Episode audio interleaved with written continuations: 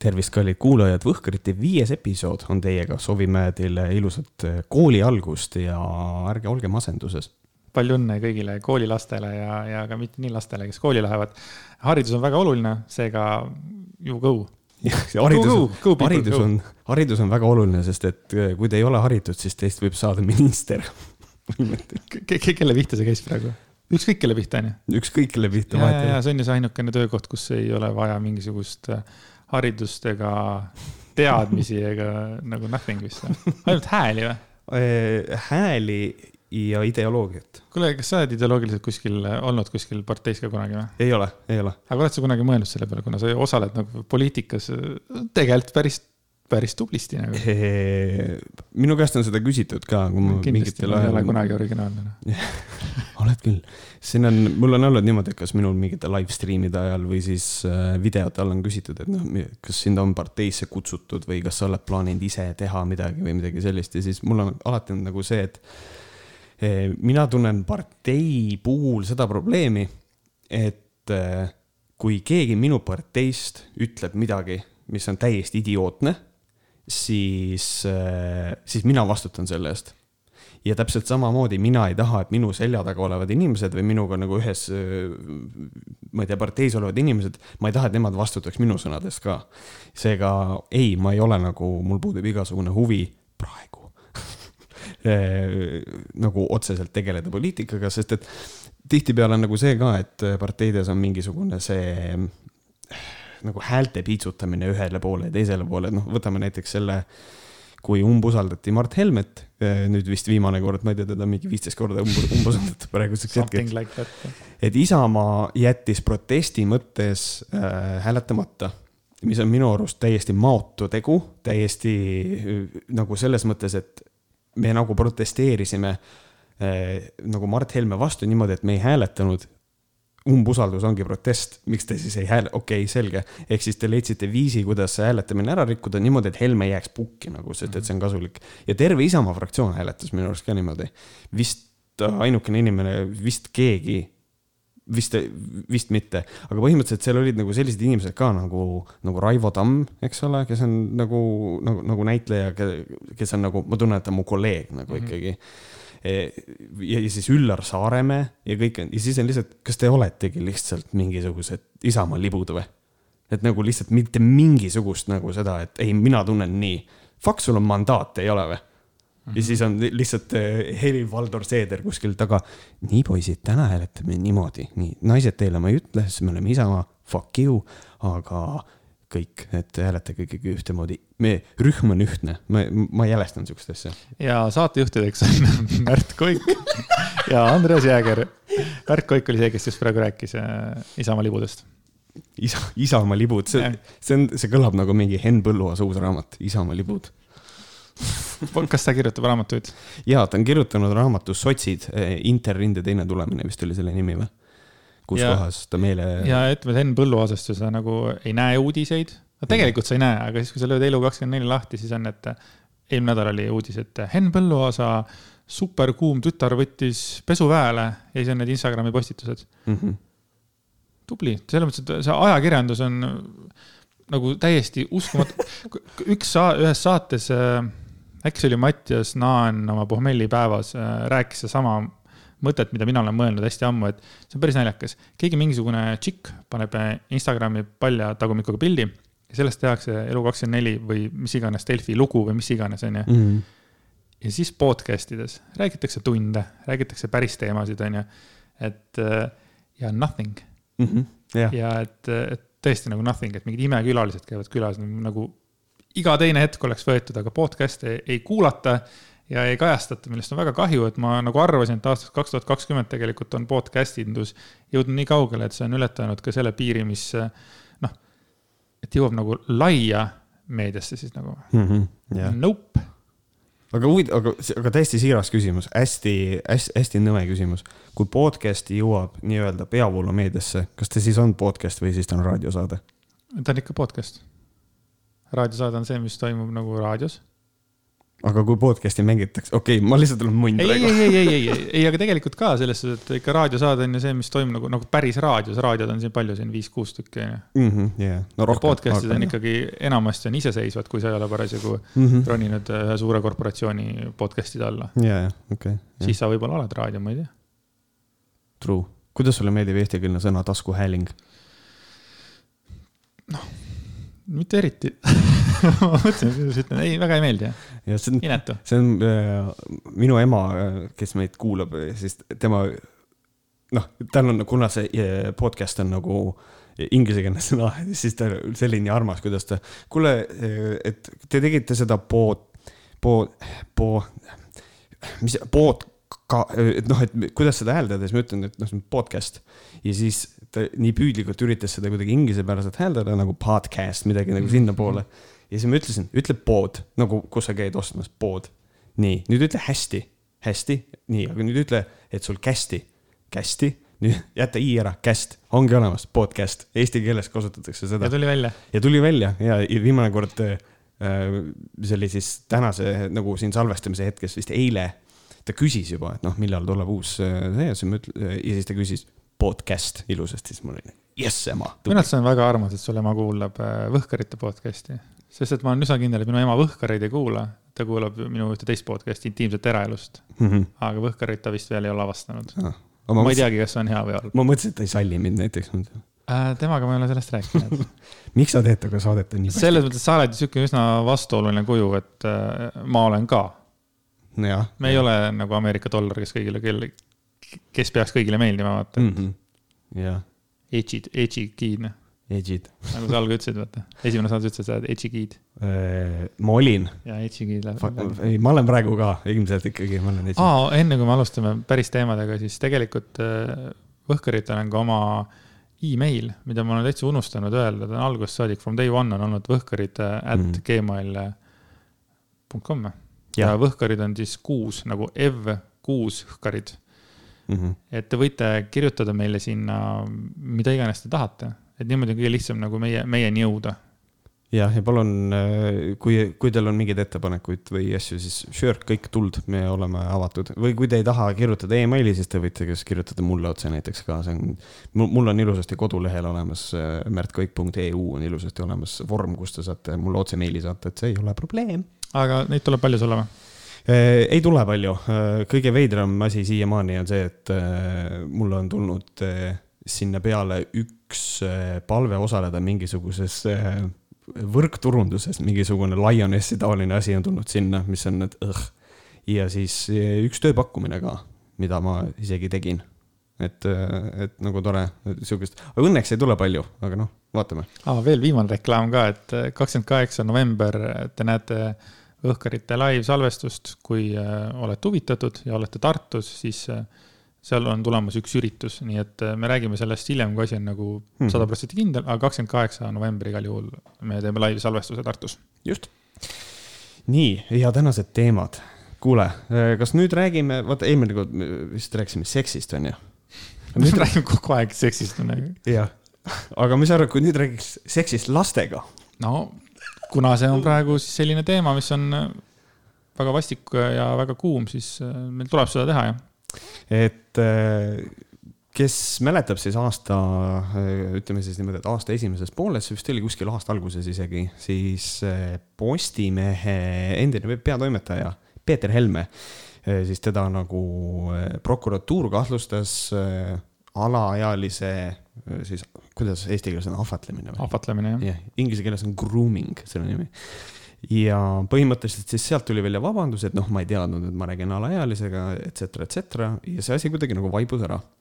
ja siis nüüd on tulnud välja selline info, et tegelikult teadis küll, et tegu on äh, potentsiaalselt ikkagi alaealise kaheteistaastase tüdrukuga, kellega ta on rääkinud seksist ja ta on temaga seksist rääkides rääkinud sellest, kuidas ta on seksinud mingite kaheksa-aastastega ka et äh, Peeter Helme siis tegeleb selliste asjadega veebis. ma igaks juhuks küsin ära, et Peeter Helme on äh, Mart Helme mingi onupoeg või, või mingi Martin Helme mingi onupoeg pigem. Äh, vanaisad on vist õed jah, et midagi sihukest, et noh, mingis, mingit moodi on omavahel seotud küll jah. mm. -hmm. ma võin seda siin taustal kohe otsida, selles mõttes. noh, laias laastus see ei loe, aga, aga natuke nagu loeb, et lihtsalt jälle nagu üks tuntud perekonnanimi on nagu veel rohkem ääritum ütleme, ütleme niimoodi. jah, no põhimõtteliselt, eks ta on selles mõttes, ta on äh, sellisele nagu mulle meeldib äh, nimetada konservatiivne klikk. et ta on nagu konservatiivsele klikile mõnes mõttes ikkagi üsna suur hoop, sest et Peeter Helme oli nagu see, äh, kus noh, kui temast sai Postimehe peatoimetaja, siis räägiti seda, et nüüd Postimees võtab siis sellise natukene konservatiivsema suuna, eks ole ja kui nüüd tuleb selline info välja, siis, äh, siis noh, et see teeb mõnes mõttes ikkagi nagu neile nagu liiga. et ma ootasin, see oli, see oli päris äh, nagu, mul oli väga huvitav oodata seda, et mina ootasin, mida ütlevad konservatiivid selle kõige peale mina ootasin väga, mida ütleb äh, Varro Vooglaid, kuidas kajastab seda Objektiiv. see võttis neil aega, et sellest rääkida, sest et see uudis tuli vist esimesena välja Õhtulehes. siis ta läks Delfisse ja nüüd, mis on kõige rõvedam see kogu selle asja juures, on see, tavaliselt uudised on niimoodi, et üks eh, uudiste outlet eh, viskab oma uudise välja ja see on kohe igal pool mujal ka, mingisuguse mõne minuti jooksul. Eh, Postimehesse jõudmiseks, mille endine peatoimetaja oli Peeter Helme, see võttis aega ligi kaksteist tundi. kas sa mõõtsid või see kuskilt tuli välja? Õhtulehe uudis läks üles kümme, kas nelikümmend something ja Postimehesse läks kakskümmend üks something et niisugune ikkagi, ikkagi terve päev nagu. kas sul on ka Postimehega mingisugune kana kitkuda?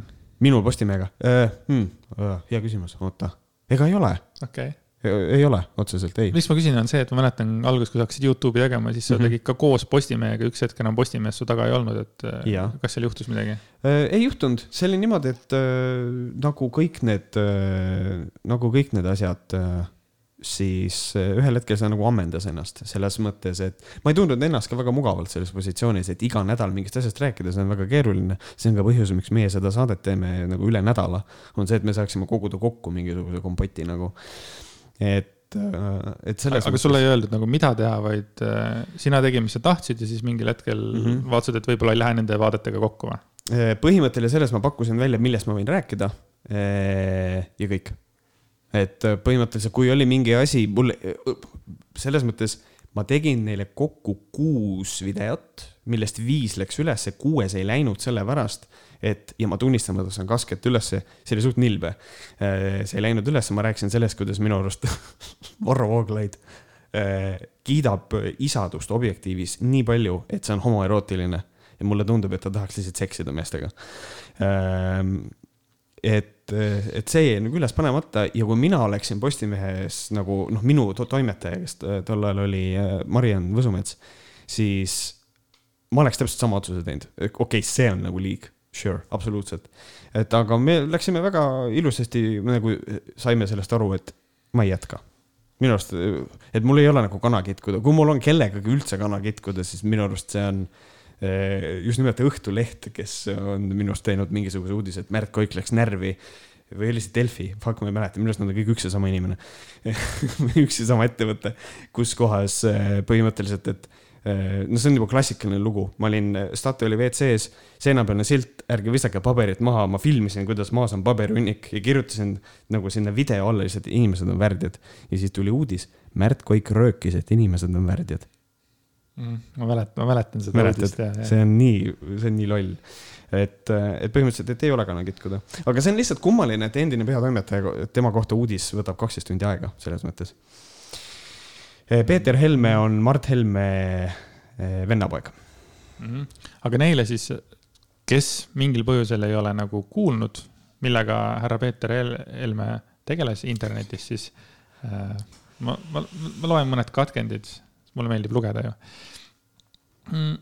kui ma ei eksi, siis oli Armastuse saal, eks ole eh,. armastuse saal, just. mis on nagu täiesti pöörane, sellepärast et Armastuse saal oli populaarne koht aastal tuhat, kaks tuhat üks äkki, midagi taolist. Nagu, nagu like for real mm. -hmm. ma ei teadnud, sihuke asi nagu enam eksisteeribki, kakskümmend aastat, sest see on kus, nagu pöörane ja. koht kas sa, kui, kui palju sina ise aastaid tagasi või seal sellistes jututubades üldse käisid? No mul ei olnud kodus internetti mm -hmm. ja siis ma käisin äh, ema töö juures, siis ma käisin vahepeal äh, seal internetis, siis ma käisin Armastuse saalis. ja siis vahepeal tõmbasin flopi peale Pamela Andersoni ja Carmen Electra pilte. aa noh, selle ja, ja siis noh viisin koduarvutisse, arvuti mul oli kodus, aga mul ei olnud internetti. flopi peale, ja, ja, ja, aga Armastuse saalis olen ka mina kirjutanud tõesti siis, kui ma olin mingisugune tõesti paarkümmend, ma ei tea, ma ei tea isegi kaua aega tagasi, tõesti kakskümmend aastat tagasi või. ole hästi ettevaatlik, mida sa ütled, võib-olla tulevad logid välja, ja, ja, ja tõesti, see oleks, see oleks päris ma olen mõelnud tegelikult, on päris huvitav oleks teha nagu mingisuguseid asju, mis sa vanasti oled kirjutanud, onju. aga noh, selliseid logisid ilmselgelt sealt välja ei tule, et seda ma võin nagu mm. -hmm. jah. aga ma tegelikult äh, loen teile siis äh, ette, et saaksite aru, mis toimub ähm,. ma olen siis, kui ma teen peenikest häält, siis ma olen äh, kaheteistaastane tüdruk. kui ma teen tavalist häält, siis ma olen äh, Peeter Helme okei, mm,. Pole varem ise seda teinud. seksinud? jah. okei okay., tahaksid muidu? mina olen kuulnud, et seksitakse ka nelja-viieaastastega. ma ei tea, nüüd su kardan. Pole kogemust ka. alguses pole kellelgi kogemust. seda küll. see teeb muide seksi lastega nii põnevaks.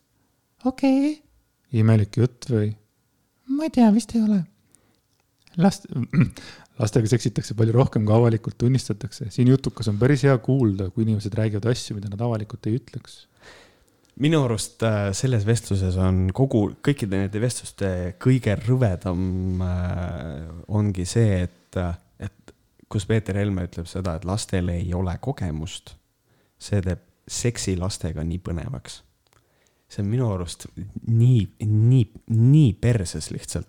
ja noh, muidugi see ka, et ütleb, et nelja, et noh, ka nelja-viieaastastega seksitakse. jah, just, aga nagu kõige hullem ongi nagu minu jaoks on see, et, et jah, see akt tõesti, see on, see on erakordselt jälestav, aga see, kuidas ma ütlen, see filosoofia selle taga, et noh, see on põnev. Holy fuck, nagu Jeesus Kristus oh. see on erakordselt jäle lihtsalt. ja et äh, sihuke nagu on olemas sihuke Instagram leht nagu see pole okei okay,, onju, siis see, mida ma praegu lugesin, on minu arvates kordades rohkem mitte pole okei okay,, kui seal enamus asju kokku. Eh, jah, see on Põhimõtteliselt nagu küll, täiesti teine, teine tase on. Ja no see on- sest, et see pole okei okay,, reeglina tegeleb ju sellega, et äh, kuidas mingid mehed on hästi tüütud. mul on endal ka kogemus, mul on kirjutanud äh, ka üks inimene, meessoost inimene, kes üritas mind natukene nagu sebida. mul on nüüd selline kogemus ka elus olemas. ja minul tekkis küsimus, et huvitav, kas, kas nagu mehed ongi nii tüütud või? et nagu Jeesus Kristus nagu palun vabandust, naised, et me sellised oleme, see on täiesti õudne, et mul on see kogemus endal olemas. et, et see on, et, et noh, kuna see pole okei okay,, lehel on nagu reeglina nagu sellised lihtsalt nagu tüütud mehed, kes nagu ei lõpeta ära, siis nagu see Peeter Helme näide, see on ikka nagu, see on ikkagi nagu level, leveleid kõrgem ja, ja leveleid rõvedam veel nagu selles mõttes. no,. ja, mul tuli ka meelde, et ka mul on kirjutatud äh, Reidi aegadel, siis pidevalt kirjutasid mingisugused ilma piltideta mingid kasutajad mm. -hmm. tüübidele, oled nii seksikas ja nii kuum, noh. sa kunagi nagu ei mõelnud selle peale, mõtlesid, ah mingi troll, vaata suva on ju. jah, ja siis äh, mingid aastad hiljem ma sain, mingi sõbrannal olid äh, siis nagu sõbrad, siis äh, kaks äh, homoseksuaali. ja midagi, jõime siis tollel ajal ja mingi panime pidu mingi möllu ja siis üks tüüp tuli mingi poole peale, ütles, et kuule, et. et äh, mäletad, ma kirjutasin sulle, et, et, et, et, sa oled nii ilus ja ma ütlesin äh, ei. ja siis noh, igatahes tuligi välja, et seesama tüüp oli mulle kirjutanud, ütleme viis aastat Mm. tagasi Reiti ja ta mäletas mind veel. ja siis ta tuligi nagu, nagu mulle siis seda tol hetkel nagu ütlema, siis ma sain aru, et okei okay,, et et ikkagi ka seal, seal ikkagi olid ka nagu olid päris inimesed olid nende mm -hmm. pildita kasutajate äh, taga, onju. no see on na- natuke nagu anonüümne kommentaar, vaata, et Jaa, sul ei ole nagu pilti või nägu või sa ei tea, kellega sa räägid, et siis noh, hea küll, suva, päris inimene oli. ma võtsin seda komplimenti, ütlesin, et aitäh talle. jah, ei mu- muidugi. see on, see on nagu õige, et nagu selles mõttes, kui sulle teeb komplimendi samas, samast soost inimene, siis see, see, siis see on okei okay., kui see, kui see, see on, see, see, see on okei okay., see ei tähenda, et sa pead temaga seksima hakkama. see on nüüd kõikidele keskealistele valgetele meestele mõeldud kommentaar praegu minu poolt. aga nagu ma, kui sa ütlesid, et see oli reidis, ma hakkasin selle peale mõtlema, et noh, vaata siuksed asjad, noh, siuksed vestlused, noh, mis käivad nagu pinda, vaata, et noh, tegelikult selle mõnes mõttes nagu küberkiusamise moodi on see, et reidi ajal oli see, et sa olid reidis siis, kui sa istusid arvuti taha. aga tänapäeval see käib sinuga igal pool kaasas. et nagu selles mõttes, kui keegi sulle kirjutab, sa oled kaubamaja järjekorras, valid nätsu ja sa saad need ting ja siis keegi kirjutab jälle, näita disse. et noh, see on tegelikult nagu, see on nagu see mastaap, millest paljud inimesed minu arust ei saagi aru, et, et see on see, et ma ei saa aru, mis, mis kuradi küberkius, lihtsalt mine ekraanist eemale. ekraanid on kogu aeg taskus ja siis on see, et ploki. see pole okei okay,, lehel oli alles ilusasti üleval eh, see, et eh, vist Facebookis vist naisterahvas blokeeris mehe ära. Ja see kutt hakkas Instagramis teda ähvardama, et võta plokk maha. et nagu. või muidu. või muidu, tead, seal oli, et mis see lubas, lubas vist läbi nikkuda või mm,? okei okay või noh, ühesõnaga seal oli konkreetne ähvardus ikkagi sees. et noh, selles mõttes, et see ei ole nii kerge, nagu inimesed arvavad, et noh, bloki ära või ära vasta või et noh, see on selles mõttes. Eh, kui mulle kirjutab keegi võõras tere, siis minu esimene mõte on see, et okei okay,, võib-olla see on mingi tuttav, kellega ma olen kuskil kohtunud. minul on veel see, võib-olla see on tööpakkumine, ma ei tea. Eh, võib-olla on sõimukiri, kuigi tavaliselt sõimukirjad hakkavad kohe pihta. kuula nüüd, kuradi värdjas aga, aga sa kunagi ei tea, kuhu need asjad nagu lähevad, et selles mõttes see on ikka, ikka tõsine asi, aga armastuse saal on ka huvitav taskus või armastuse saal toimub ikka ainult arvutis kuna ta on nii old school, no kas ta on nii old school, kurat, ma kardan, et ta on ainult arvutis, ma, ma muidugi, issand, see on info, mida ma ei, ma ei sa, sa võid kohe kontrollida, ma loen järgmise Helme jutu siis. käisin sellel naisel ja ta Plikal külas, kellest sulle rääkinud olen. vana see Plika on praegu kümme. mis tegite siis seal? mis sa ise arvad? ei tea. seksisime. kellega? algul naisega, pärast neiuga. Et äh, ta ütles, et ta seksis kõigepealt kümneaastase äh, tütarlapse emaga mm -hmm. ja siis kümneaastasega. jah, ühesõnaga. ja, ja, ja, ja tema räägib äh, nagu oma kaitseks, et tema nagu tegi nagu rollimängu et tema nagu noh, mängis kedagi teist või ta arvas, et ta räägib täiskasvanud inimestele, mingi selline jutt nagu, kohtus, mis, mis teeb asja veel hullemaks ju. ja kohtus on, kohtus ta käis välja selle, kõik need vestlused, et ta saab aru, et tegu oli täiskasvanud inimesega, sest et ta kirjutas äh, nagu täiskasvanud inimene ehm,. ja et see kõik oli rollimäng, mis on, kes on kunagi vaadanud, mina olen vist olen suure fännina ära vaadanud absoluutselt kõik Chris Hansoni To Catch a Predator saated, kus kohas püütakse nagu pedofiile ja üks levinumaid vabandusi oli see, et eh, esiteks, et see, mis internetis, see ei ole päris elu. ja siis on see, et, et noh, see on, it's, it's fantasy, et noh, et see, et see, et see rollimäng, mis on nagu selles mõttes, nagu minu sõber ütles selle kohta väga hästi. Eh, rollimängu eesmärk on ikkagi, eh, et sa räägid kellegagi sellest fantaasiatest, mis sind päriselt käima tõmbavad.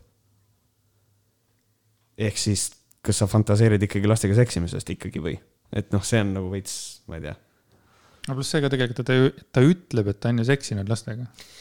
kusjuures mina arvan, et, mina arvan, et see on grooming, mina arvan seda, et äh, ja, ja, ja see on, sorry, kõik, kes nüüd on täiesti veendunud, aga mina arvan seda, et see on lihtsalt manipuleerimistaktika. Äh, et ta arvab, et ta räägib kaheteistaastasega ja ta üritab sellele kaheteistaastasele vaimselt äh, nagu tekitada tunde, et tegelikult see on normaalne, et lastega seksitakse ja see on okei. okay justkui. ja et selles äh, lapses tekitada tunne, et noh, kui ta seksib täiskasvanud mehega, et see ei ole nagu, et noh, et, et inimesed teevad seda. et ta üritab nagu normaliseerida seda tema jaoks. see, kas ta tegelikult äh, on lastega seksinud, noh, aus vastus, me ei tea. Äh, aga ma arvan, et ta ei räägi tõtt. kumma koha pealt siis seda, et ta nagu arvas, et ta räägib täiskasvanud inimesega, selle koha pealt? ei, ei, ma arvan, tähendab, ma arvan seda, et, et ah, et ta ei ole ja, seksinud lastega? et ta tegelikult lastega seksinud ei ole, vähemalt nendega, nagu ta seal kirjutab. aga see, et ta, et oh, ma teadsin, et ma rääkisin, sure, in hindsight me võime kõik seda öelda, ah, tegelikult ma teadsin. ma ei usu seda. et selles mõttes, eh, kui sa alustad vestlust, mis nii noore inimese siia toob, loomulikult sa võid kasutada nagu eh, seda, et eh, noh, ma tegelikult teadsin, et ta on täisealine ja kõike seda, aga ma ei usu seda. et ma arvan, et ta ikkagi valetab võin sulle update'ina öelda seda, et Armastuse saal on sitaks retroleht, aga eh, Androidiga saab küll käia, on kirjutatud, Androidiga saab käia Armastuse saalis. kas sul on internet siin kuskil kogu aeg olemas või, või on siin Kereraadiol oma net või? Eh, siin on kohalik jah, ma kasutan kohalikku. okei okay., ma kogu aeg arvasin, et ei ole siin internetis, ma tegin nagu lahti ära meie dokumendi, et see on nagu ja. olemas, vaata. aga mm, ma ei tea, mul on jälle selline teistsugune arvamus, nagu ikka arvamus, noh, ja olen oma mm -hmm. loll arvamus või tark või mis iganes, aga yeah. aga mina arvan, et ta võib olla seksuaalne predator, mina arvan, et ta on pedofiil ja ju see, et ta juba seal nii avalikult sellest räägib, noh, keegi ütles, seda ei ole võinud olla ka mm -hmm. nagu varem, et ähm, kuidagi, kuidagi natuke rahulikult on see, see teema üles tõmmanud, sellest räägitakse, aga sellest ei räägita sellise taunitava tooniga nagu näiteks Sveta Grigorjev kõnest näiteks ma praegu ei hakka Svetast rääkima mm, -hmm. aga see on mhm. nagu niivõrd äh, veider kuidas nagu nii kaalutletud ja rahulikult tegelikult sellest teemast räägitakse, samamoodi oli noh, ma ei saa Venno Loosaare teemast, ma ei saa siin nagu mitte, ma ei saa nagu mööda vaadata sellest, samamoodi, et et internet kubises kommentaaridest, Venno, sulle tehti liiga, kuid jätke Vennost käed lauale, Venno on nii hea, ta-ta-ta-ta-ta-ta, mhm. inimesed hüppasid barrikaadidele. ja mis nüüd Vennost saanud on, vaikus. nagu ma ei näe kuskil, et seda teemat hoitakse üleval või et, et või, või, või kuidagi seda teemat uuritakse või, või tehakse midagigi nagu, et, et taaskord seksuaalne predator nagu maha võtta, kes äh, näperdab lapsi. no põhimõtteliselt on see, et äh, kui me räägime sellest, et äh, nüüd Venno Loosaare puhul, siis on see, et mina võtan nüüd siin sellise seisukoha, et mina isiklikult, kes ma olen Vennoga kokku ka puutunud, see, kas ta kas ma fak-, nagu faktidest rääkides, kas ta on la lapsi ahistanud, ma ei tea.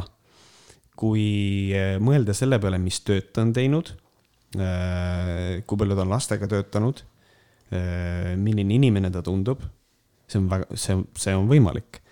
nüüd, mida mina arvan seoses sellest, et on olnud need süüdistused Venno Loosaare suunas, ma arvan, et need vastavad tõele mis puudutab Peeter Helmet, siis tema juures ma arvan, kui sa küsid, et kas ta on nagu pedofiil puht nagu vaimsel tasandil, kas ta mõtleb lastega seksimisest.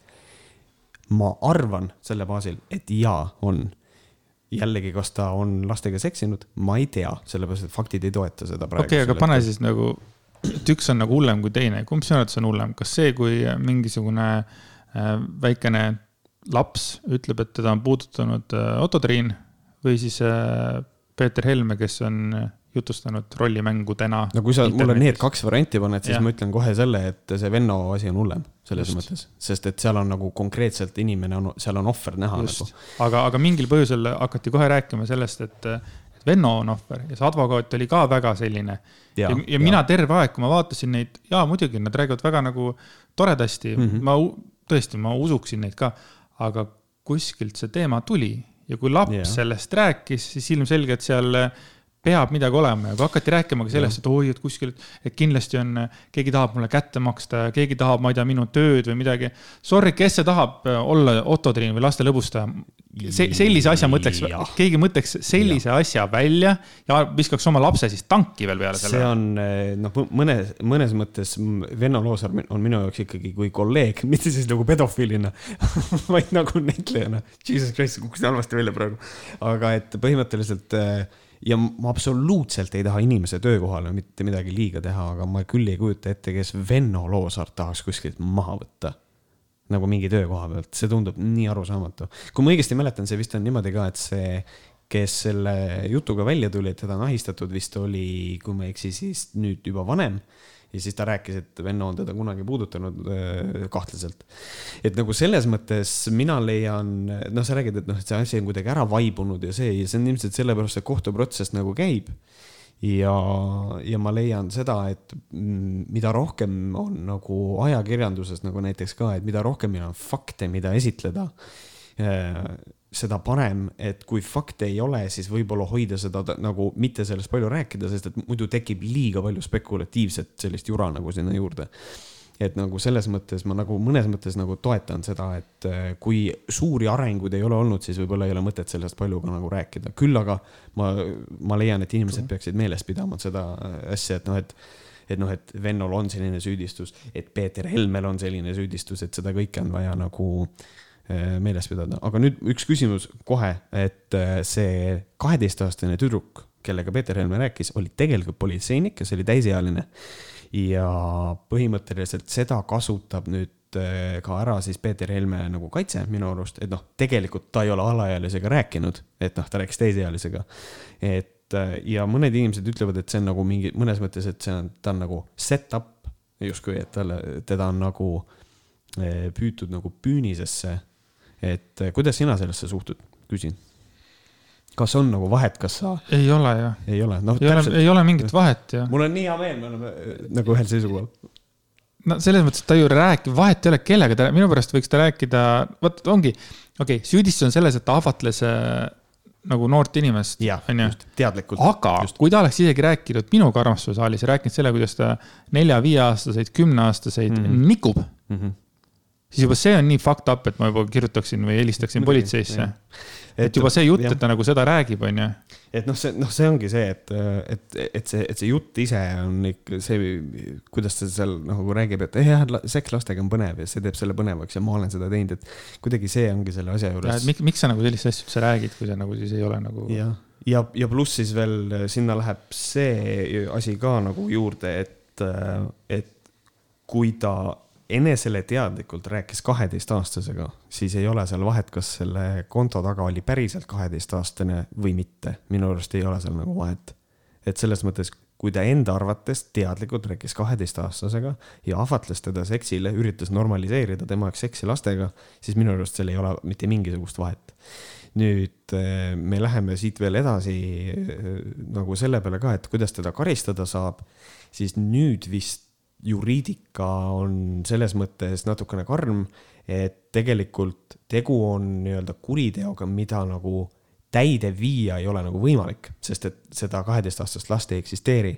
ja siis sellest johtuvalt äh, põhimõtteliselt vist tema karistus saab olla rahatrahv ja vist kuni, kui ma ei eksi, siis politsei või tähendab politsei, Postimehes vist oli see äh, et kuni kolm aastat vangistust vist. mäletan ka, et mingi üks kuni kolm aastat yeah et põhimõtteliselt, et, et, et selles mõttes need, kes tunnevad, et noh, aga ta ei rääkinud ju kaheteistaastasega, esiteks käi putsi. Ja teiseks äh, juriidika peab seda arvestama niikuinii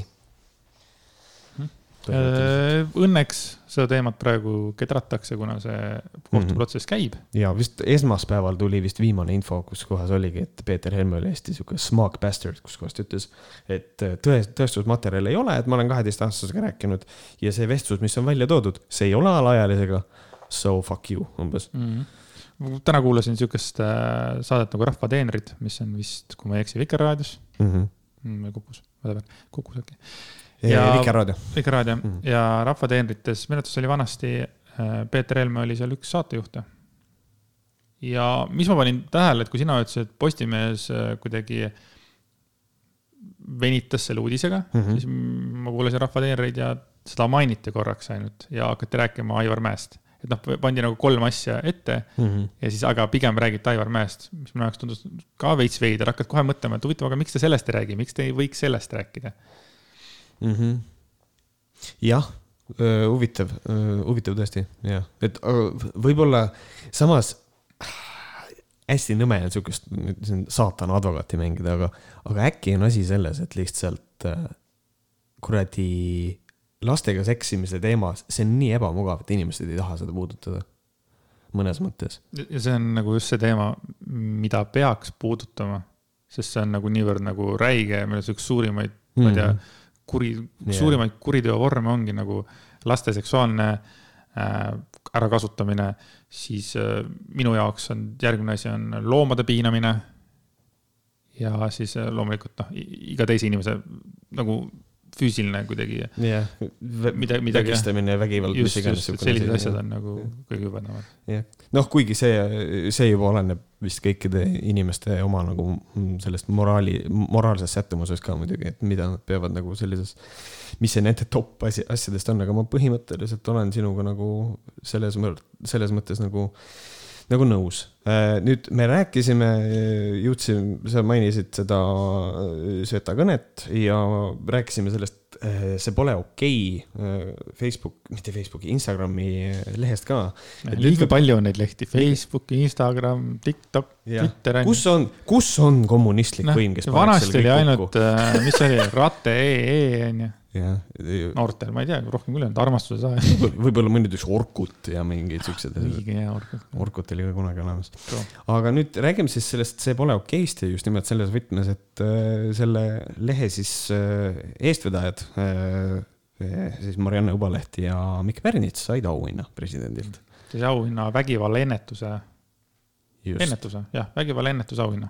ja kogu aur läks loomulikult sinna peale, et Mikk Pärnitsal oli kleit seljas ja et äh, ta väidetavalt süüdistas traditsioonilist perekonda äh, selles, et see, et see on vägivallapesa mis see, mis asja me esimesena siin ette võtame siis uh,? Jeesus Kristus um.... äkki võtame ikkagi selle, et ta kandis kleiti, sest tegelikult ja. sealt sai see kõik alguse. räägime kleidi kandmisest. mina isiklikult arvan oma tagasihoidliku arvamusega mm, -hmm. et kui ta ei oleks kandnud kleiti, siis äh, suure tõenäosusega ei oleks tulnud äh, mitte midagi või siis võib-olla natukene hiljem oleks tulnud kuskilt, et jah, ta on midagi kirjutanud kuskil halvasti kellegi kohta. jah selles mõttes nagu ma ei väsi mitte kunagi kordamas seda, et äh, Mikk Pärnitsat peab alati nägema natukene sellise provokatiivse inimesena.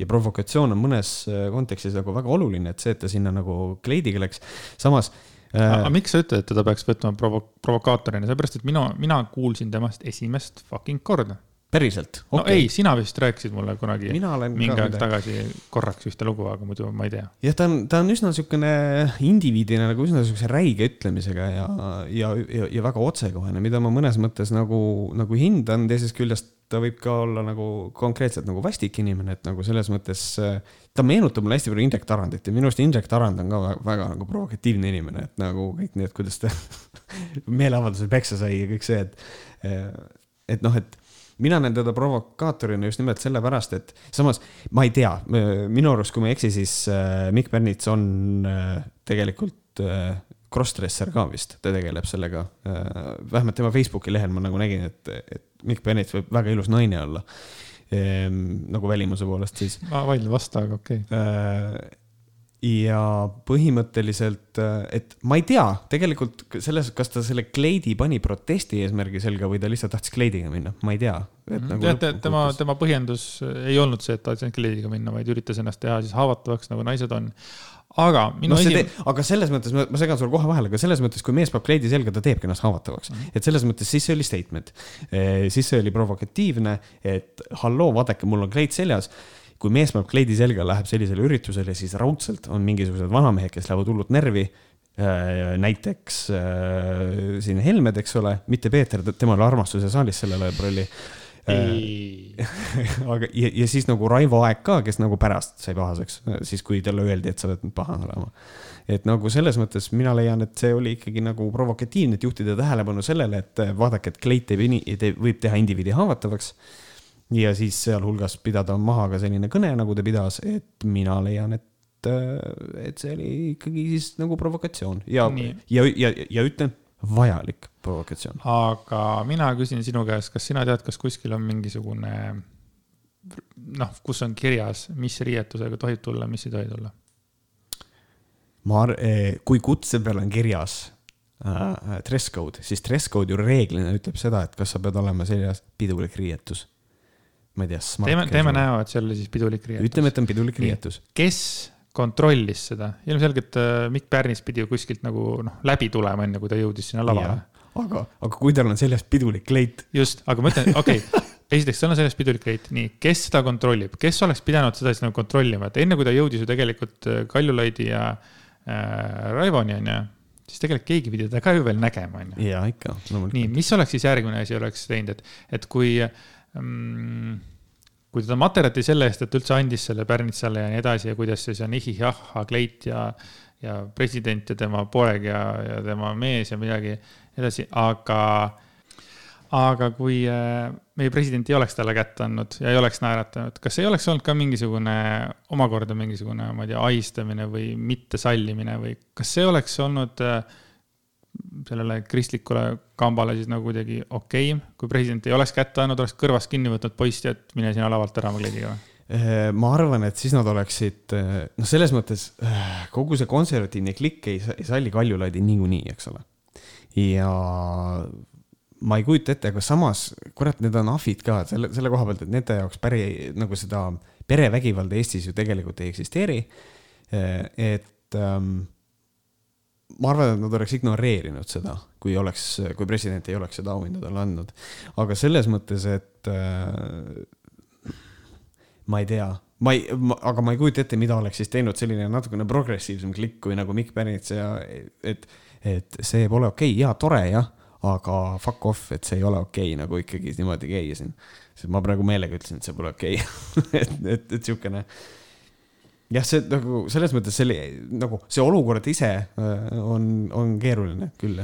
Nonii, järgmine küsimus, mis mul tekkis, on see, et siis kas nagu ropkirjutis või mingisugune mõtteavaldus mm, -hmm. kas see siis cancel dab ära igasuguse võimaluse saada inimesele auhind, kes on teinud noh midagi head, aga ütleme eelnevalt on öelnud krõbedasti kellegi kohta või kasutanud vängemaid sõnu. kas siis see on kõik cancel või? Jah, see tähendab seda, et mina ei saa mitte kunagi minna, mina enam auhindu ei saa. Mhm. tahtsingi su käest küsida, et äh, kui sa teeksid midagi, mingi, ma ei tea, imelise, veel imelisema rolli kui Kiir, on ju, imelise rolli või kirjutaksid mingi raamatu või mis iganes ja sa saaksid, noh, mingisuguse auhinna, mis on seotud äh, presidendi või, või, või riigiga kuidagi mm. -hmm.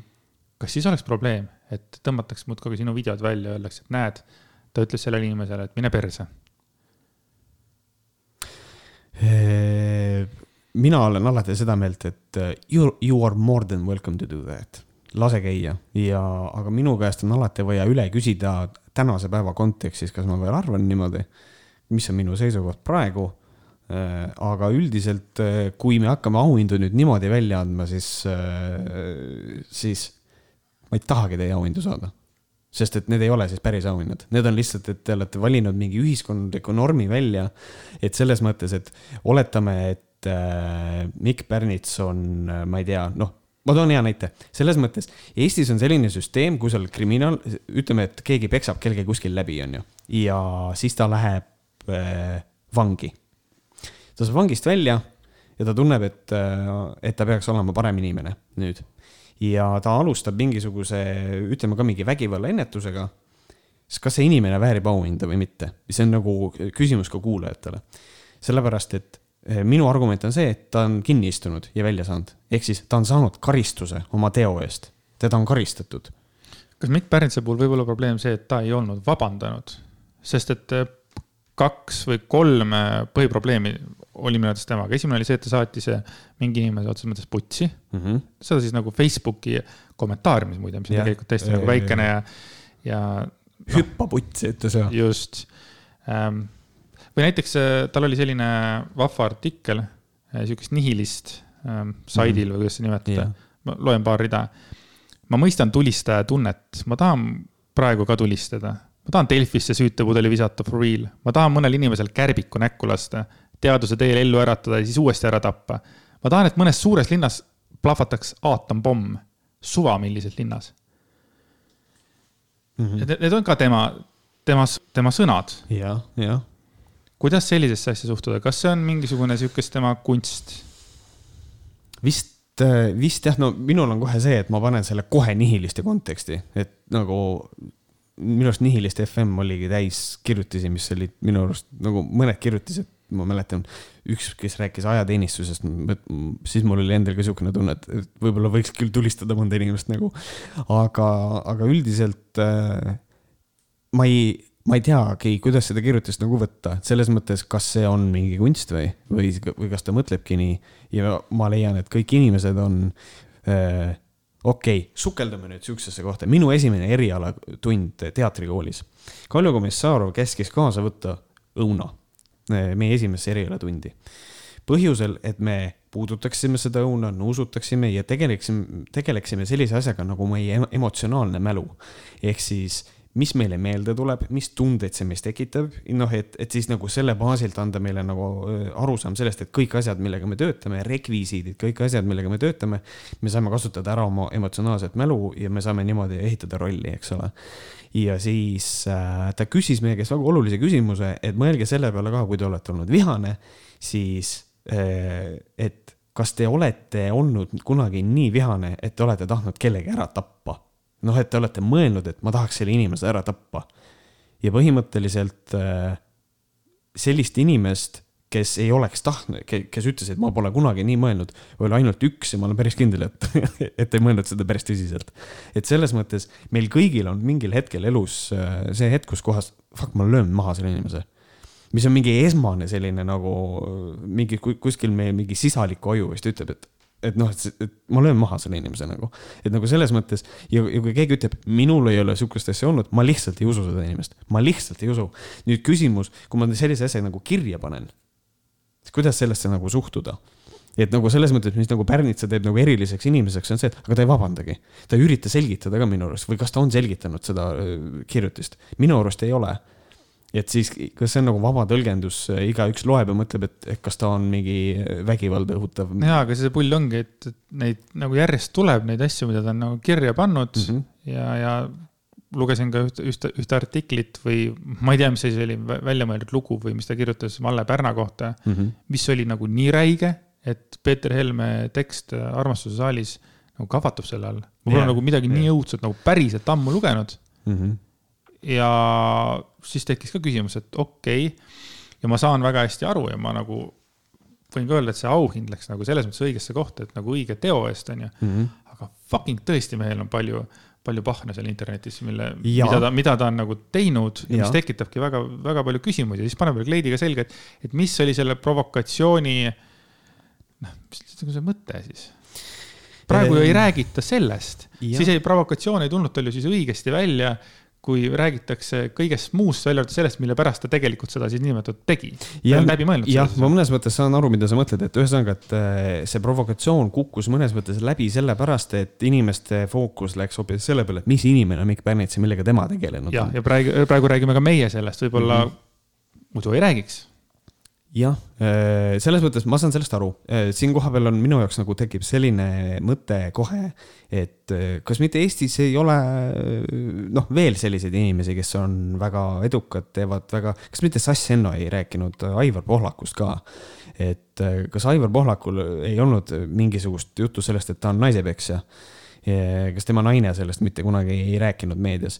praegu ei räägi sellest mitte keegi väga, väga, väga kõva jalgpalliinimene, eks ole ähm, et tekib nagu see küsimus, et noh, et, et inimesed unustavad siuksed asjad nagu ära, et nagu mõnede inimeste puhul on see nagu okei okay,, et, et ta peksab naist või midagi sellist.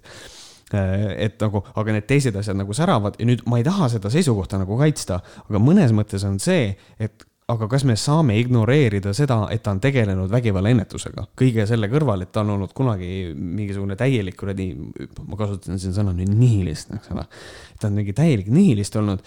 Eh, et kas see nüüd võtab talt ära selle õiguse, et kui ta teeb nüüd midagi sellist, et kas teda võib selle eest nagu, sest et räägitaksegi noh, nagu selline, jälle ma kasutan terminit konservatiivne klikk räägib just nimelt sellest, et kas sellisele inimesele sobib anda auhinda, siis, aga me anname auhinna mingi kindla asja eest selles mõttes. et äh, ja, ja, ja pluss ta ei ole ainus inimene, kas siis selles mõttes, kas siis Marianne Ubaleht võib saada auhinna ja siis Mikk Pärnits ei saa, sest et ta on Mikk Pärnits või? Äkki Mikk on juba praeguseks hetkeks mõelnud mingid asjad oma elus ümber, see Malle Pärna kirjutis, selle ta on netist maha võtnud. Äh,. muidugi Mikk Pärnats, Pärnits selle kohaselt minu arust ta vabandanud ei ole. Ma ei ole ise seda lugenud, ma ei jõudnud seda lugeda, seda teksti äh, paraku, aga kõik räägivad, et see on erakordse, erakordselt räige ja absoluutselt, ma võin täiesti vabalt taunida sihukest asja. aga siiski ta tegeles päris kõva vägivalla ennetusega, minu arust see pole okei okay., leht on nagu jumala kõva asi. Äh, see on jumala vajalik asi meie praeguses äh, ühiskonnas. ma leian, et on okei okay inimest premeerida heade asjade eest, siis äkki ta teeb halbu asju vähem. ma mõtlesin ka, see oli üks mõte, mis mul peas käis, et kui äh, noh, ta saab sellise noh, prestiižse auhinna mm. -hmm. aga samas ta on nagu laulupidu kritiseerinud noh, võib-olla nüüd tal on natuke rohkem usku Eesti, Eesti riiki ja, ja et ka teda nüüd nagu pannakse tähele ja ütleme, tänatakse ja temast võib saada samamoodi nagu parem inimene. see mõte käis mul ka peast läbi ja see mind tohutult häiris, see, kus kohe hakati kaagutama, et mõistis laulupeo hukka, et nüüd on nüüd, nüüd on ikka rahvavaenlane. Äh, sellepärast, et talle ei meeldi laulu, laulupidu ka, vot see on küll ikka väga-väga nadi asi, mille pärast olla rahvavaenlane. jah, selles mõttes minul näiteks oma abikaasaga on väga vähe asju, millega, mille alusel meil on nagu selline. me oleme reeglina filosoofilistes asjades oma naisega alati ühel meelel, välja arvatud üks asi. ja, ja see on minu, isiklikult minu arvamus.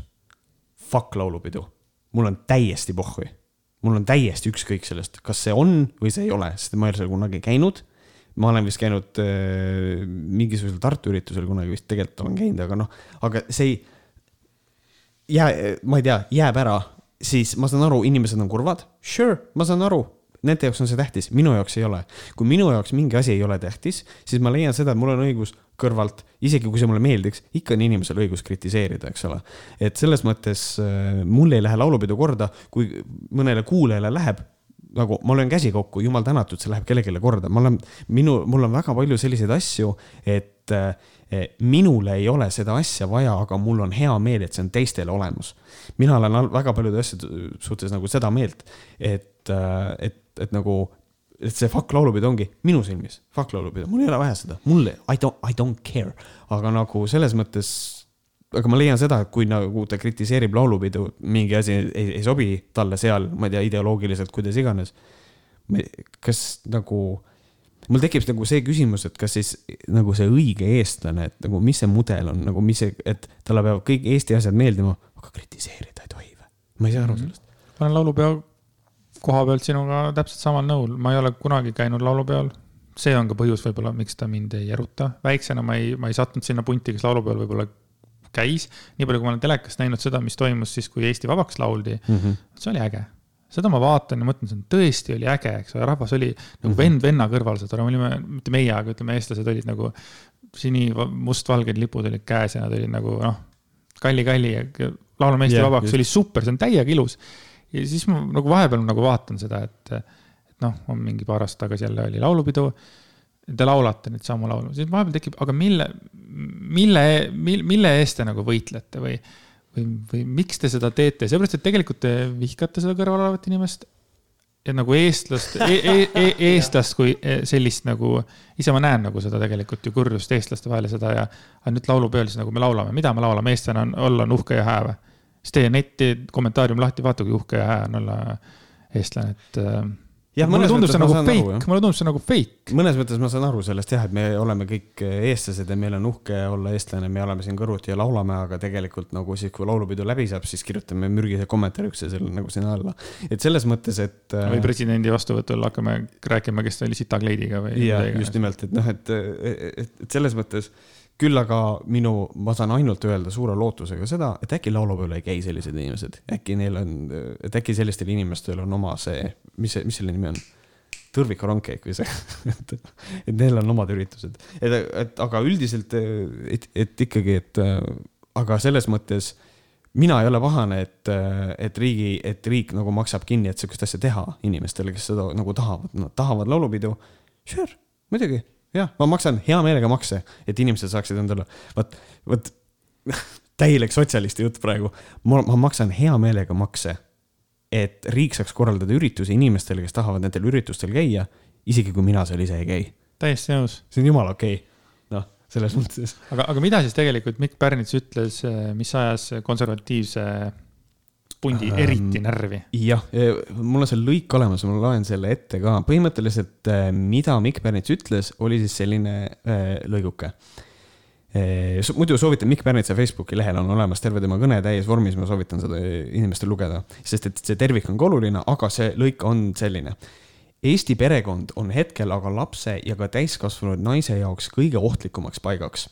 suurt rolli mängivad need seadused ehitanud keskealiste meeste egod, kes ei taha teadvustada, millist vägivallapesa niinimetatud traditsiooniline perekonnamudel endas peidab.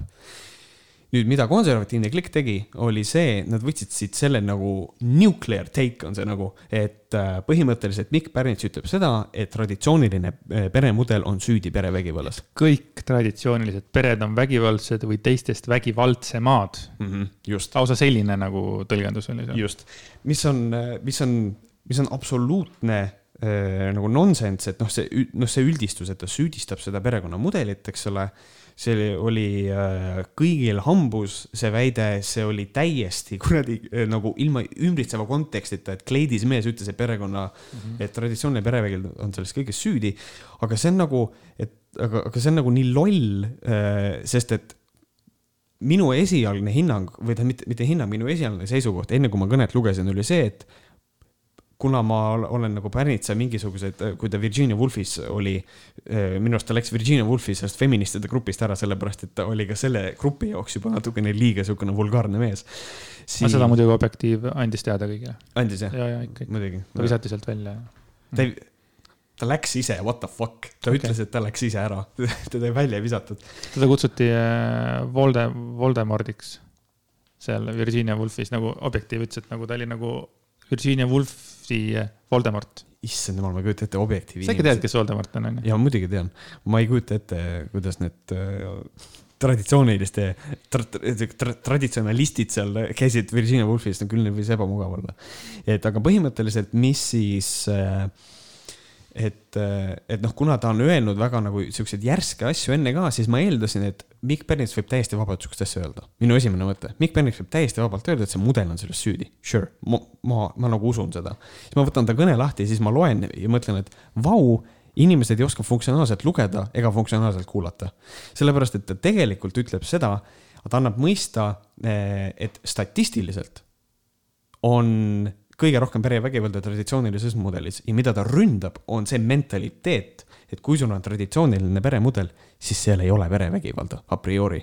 et äh, ta ründab seda ideed, et selles mõttes, kui me elame traditsioonilises peres, siis see ei tähenda, et see välistab, et traditsioonilises peres ei saa vä- välistada perevägivalda, sellepärast et see on see peamine asi, millega sõidab Varro Vooglaid koos oma partneri Markus Järviga.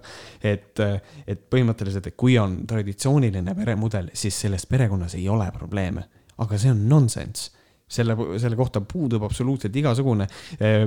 ma panen kindlasti oma, oma kodulehele ka lingi üles sellest, mismoodi perevägivald, et tegelikult eh, Eesti Ekspress tegi faktikontrolli ka sellele ja, ja ma huviga tahaks teada, kuidas siis oli. faktikontroll, kõik, mis Mikk Pärnits ütles, on, on absoluutselt õige. statistiliselt on lähisuhtevägivalda kõige rohkem. aga kas mitte nagu Eesti Ekspress ei ole ka liberaalide kamp ja nad äh, kindlasti nagu võimendavad? jaa, aga kui nad teevad faktikontrolli, kasutavad Politsei- ja Piirivalveameti infot, siis on nagu raske, et noh, siis peab juba PPA-d süüdistama selles, et nad on liberaalide poolt. aga noh, tunnistagem ausalt siiski seda traditsioonilist perekonda on kõige rohkem ju. jah, ongi, mille, noh, mille Selles alusel ongi mõttes,, me, me võimegi öelda seda, et aga sellist väidet on nii lihtne teha, sest et meil on traditsioonilisi perekondi nagu, nagu Eesti mõistes nagu suhteliselt palju, et see on loogiline, et seal on vägivalda aga rohkem. palju on neid ebatraditsioonilisi, kas seal ka faktikontrollis oli seda või? Äh, palju on näiteks äh, vägivalda siis äh, homoseksuaalide perekonnas? jään vastuse võlgu praegu. kuigi tegelikult keegi ei küsi ju, kas. jah, reeglina, et sa saad lõuga, mees annab lõuga, nii, kas te olete traditsiooniline perekond? et seda vast ei küsita. et nagu, aga selles mõttes, kui keegi ütleb, et aga need on, selliseid perekondi ongi kõige rohkem, et noh, et see on loogiline, et niisugune asi on just, sest see, see tähendab seda, et Mikk Pärnits ei öelnud mitte midagi valesti. ja, ja ehk siis ja sellest tulenevalt on ka see, et järelikult traditsiooniline peremudel ei välista eh, vägivalda enda sees. ja, ja siia kõrvale eh, ma tahan sisse tuua selle, et mõnda aega siis peale seda kõnet Eesti Ekspressis ilmus artikkel, kuidas üks naisterahvas minu arust rääkis sellest, et kuidas tema koges traditsioonilises peres vägivalda. ja Varro Vooglaid ja, ja vot see oli hetk, kus kohas minu reptilian brain ütles nagu Varro Vooglaiu kohta, et Jeesus Kristus, selle, selle inimese võiks korraks ära kustutada nagu maa, maamuna pealt. ma ei kutsu üles Varro Vooglaiu tapma, ärme tapa üksteist, me, me, me saame kõik läbi, me saame kunagi Varro Vooglaiule selgeks teha, et, et ta natukene liialdab ja on natuke rumal, kui ta siukseid asju ütleb. kus kohas Varro Vooglaid ütleb seda, et, et tegu ei olnud traditsioonilise perekonnaga ja seda sellepärast, et see, selle naisterahva jutt, see perekond oli selline, et isa oli alkohoolik. ema käis õhtuti tööl ja lapsi oli ainult üks ja need on kolm asja, mis näitavad, et tegu ei ole traditsioonilise perekonnaga. oli kindel, oled sa kindel, et seal oli kirjas, et lapsi on ainult üks või? Eh, ma võin võtta Varro eh, selle postituse kohe ja. sest ma need eelmised asjad, mul olid ka meeles, aga Eh, et, et, et selles mõttes, aga kas ei ole mugav asi, et me saame teha, et me saame teha selliseid asju, et me ütleme, et traditsiooniline peremudel on selline ja selline ja siis kaitsta seda sellega, et see on selline utoopiline kauge asi, mida tegelikult ei ole, aa, su isa on alkohoolik, aga siis see ei ole traditsiooniline pere, sest et see on järelikult katki, nagu kui su isa on alkohoolik. see oli jah täiesti uskumatu nagu väide. no aga mis siis on traditsiooniline pere, kas sa oskad äh, öelda mulle, kas see on siis äh, see on selline. kõrgelt haritud äh, ema, ei, kõrgelt haritud isa, kodus olev ema, kahe kuni kolme jõnglasega või? jah, midagi sellist, selline katoliitlik äh, peaks olema. nii, tsiteerin Varro Vooglaidu. näiteks kirjeldab siin artikli autoriks olev naisterahvas, kuidas joodikust isa tema kallal traditsioonilises perekonnas vägivallatses.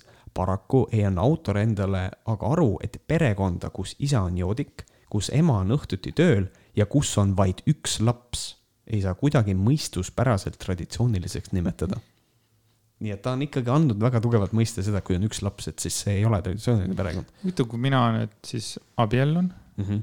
aga mul jääb see üks laps, kes on mulle väga kallis ja ma ei joo mm. -hmm. kas ma ei ole siis traditsiooniline Eesti perekond või kas ma ei ole traditsiooniline perekond siis, kas ma olen kuskilt poolt? pluss võttes arvesse, et su perekonnal on nagu tegelikult eh, natuke niisugune kristlik taust ka. et nagu see on nagu, see on päris räige, et selles mõttes see on täiesti nagu kui, kui Varro kunagi oma selle kuradi punase, mis see kuradi ürp, mis tal on, kui nad teevad oma üle-eestilist tuuri, kui sa näed, siis sa võid endale nööbist kinni võtta ja küsida, et kas on nii. ei jah, see kuidagi nagu pannakse täpselt paika ära, mis on õige, mis on vale ja. kuidagi sealt. mis on õige perekond ja mis on vale perekond ja see. ei, üleüldse nagu, ma olen üldse märganud seda, et me teeme Objektiivile nii palju reklaami, aga nad pidevalt nagu, nad kuulutavad tõtt. Nad kuulutavad ainult tõtt, see mind võib-olla natukene häiribki, et, et kui meie sinuga räägime miski, me ikka pidevalt mainime seda, et see on nagu meie arvamus. Yeah.. me lihtsalt räägime oma arvamust, aga seal on nagu hästi palju seda ja see on nagu sulaselge ja see on, kõik on, kõik on selline. Ja ma vaatasin äh, huvi pärast äh, üle selle, kus Peeter Oja ja Varro Vooglaid omavahel kolmeraudses siis nagu Aa, ristasid sarved, onju. See oli, see oli väga äge, see oli väga äge meelelahutus ja, ja, ja nagu mulle tundub, et Varro Vooglaid võitis selle, eriti kui ta kutsus Peeter Ojat äh, vanuriks, see oli nii nummi lihtsalt see oli eriti armas. aga kuidas ta ütles ah,, ta süüdistas äh, Peeter Oja sellest, et Peeter Oja kasutab siukseid suuri sõna nagu see on sigadus. Peeter Oja ütles, et umbes, et see on sigadus, mis iganes asja kohta mm. -hmm. ja Varro võttis selle ja hakkas seda nagu äh, jõhverdama seda, kuidas ta nagu nimetab seda kõike sigaduseks ja ta-ta-ta-ta-ta.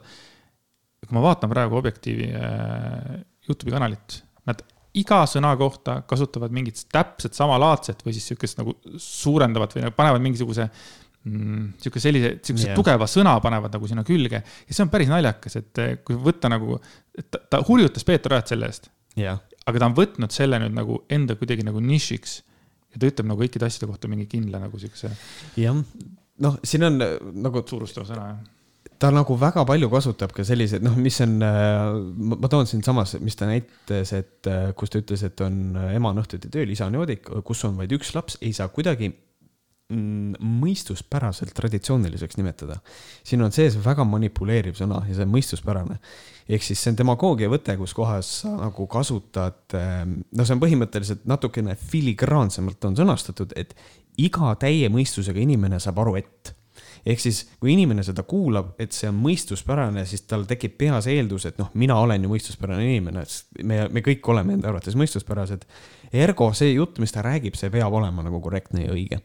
ehk siis see on. isegi tegelikult... korduvalt hakanud mõtlema selle peale mm, -hmm. et okei okay,, jah et noh, see on, et tegelikult eks see on, see on nagu manipuleeriv, et selles mõttes, et see on lihtsalt niisugune kõrvalepõikena, lihtsalt ma tahtsin nagu, ma just nimelt tahtsin toonitada seda, et see traditsiooniline peremudel on tegelikult mingisugune kergelt utoopiline. ma ei ürita öelda, et Varro Vooglaid, Varro Vooglaid oma standardite kohaselt elab kindlasti traditsioonilises peres, absoluutselt. tal on lapsi mingisugune kaheksakümmend kaheksa või, või, või seitse, ma ei tea, seal vahel. ja, ja nagu selles mõttes äh, ma ei ründa tema peret, absoluutselt. selles mõttes, kui tema peres on kõik õnnelikud, see on hästi. Varrol on õigus oma pereelu elada nii, nagu ta seda tahab. täpselt samamoodi on õigus elada äh, meil oma pereelu nii, nii nagu me tahame.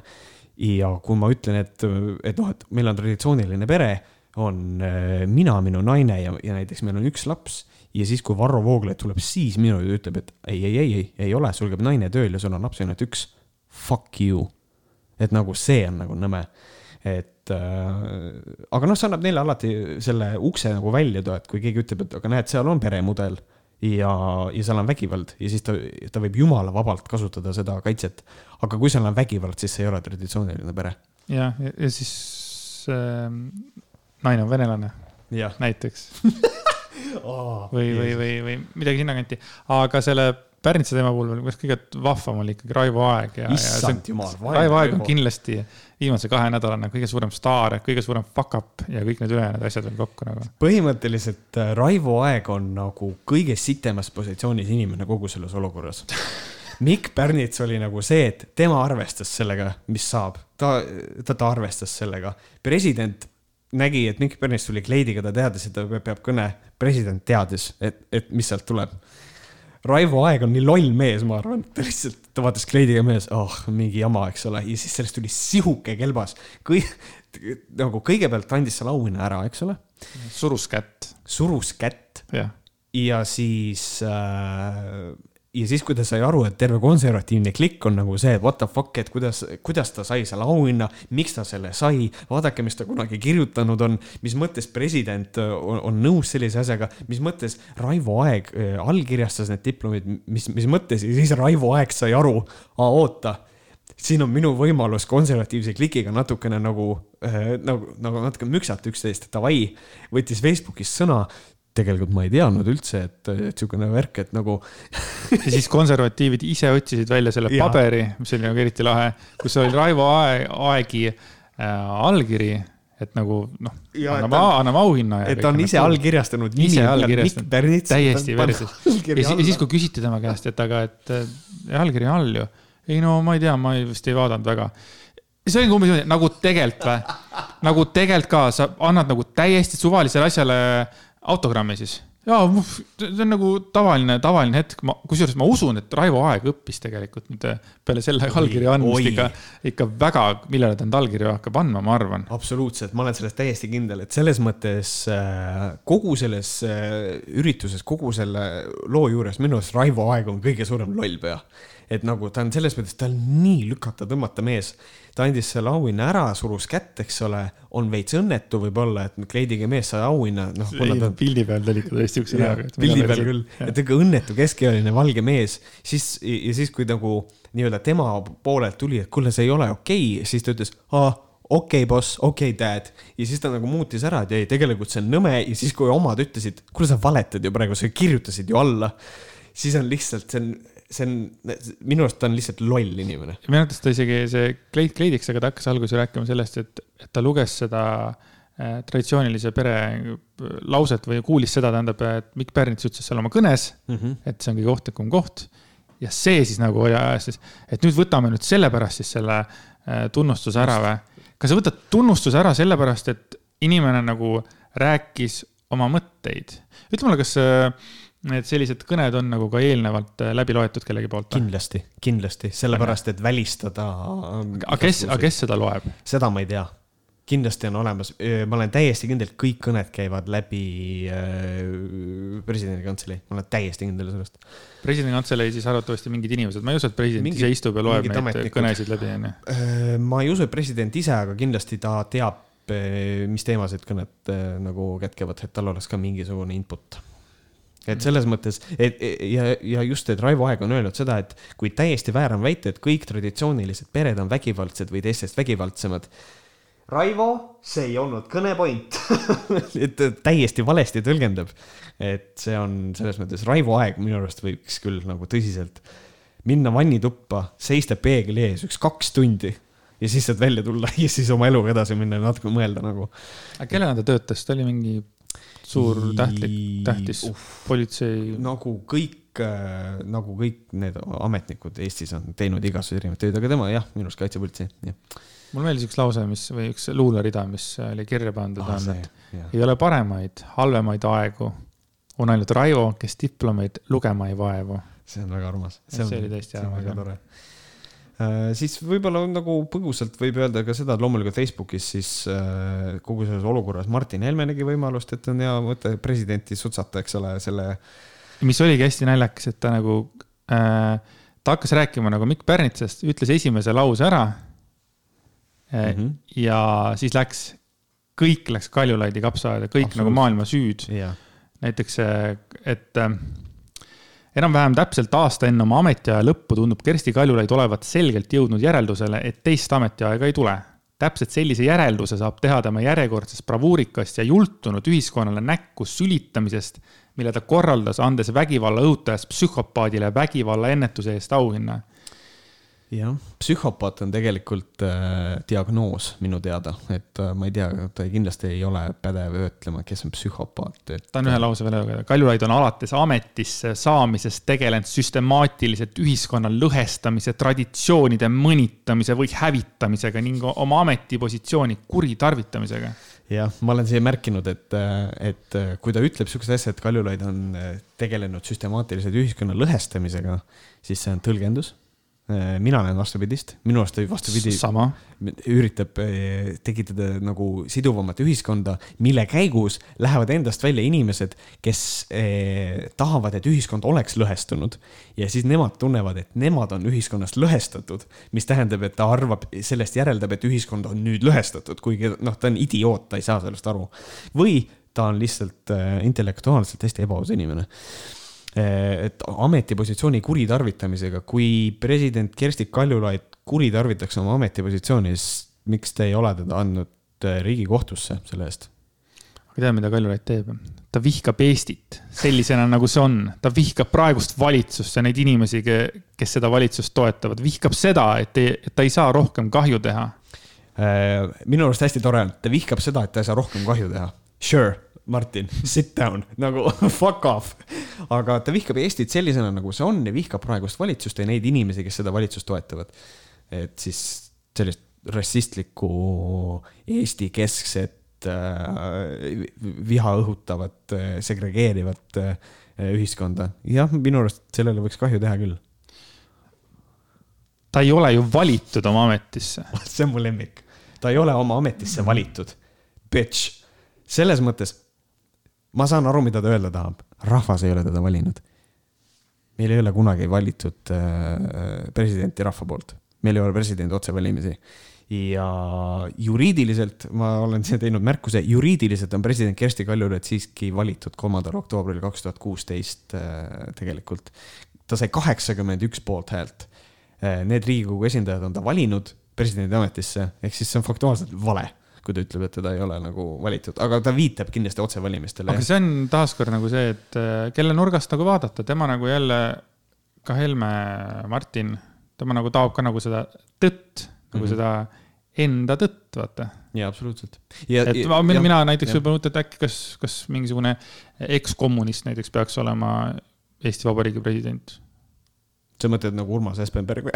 ei, ei, no, no üle, üleüldse nagu selles mõttes, et, et mina arvan nagu, noh, minu arvamus on nagu teistmoodi, et kui tema arvab, et nagu, et rahvas ei ole valinud, et siis nagu mm -hmm. nothing, on ju.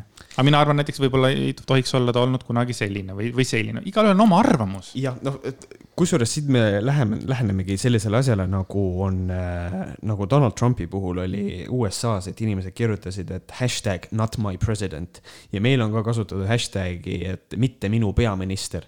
et äh, jah, on ikka, noh. kas see oli see väikse Reformierakondlase Taavi pärast?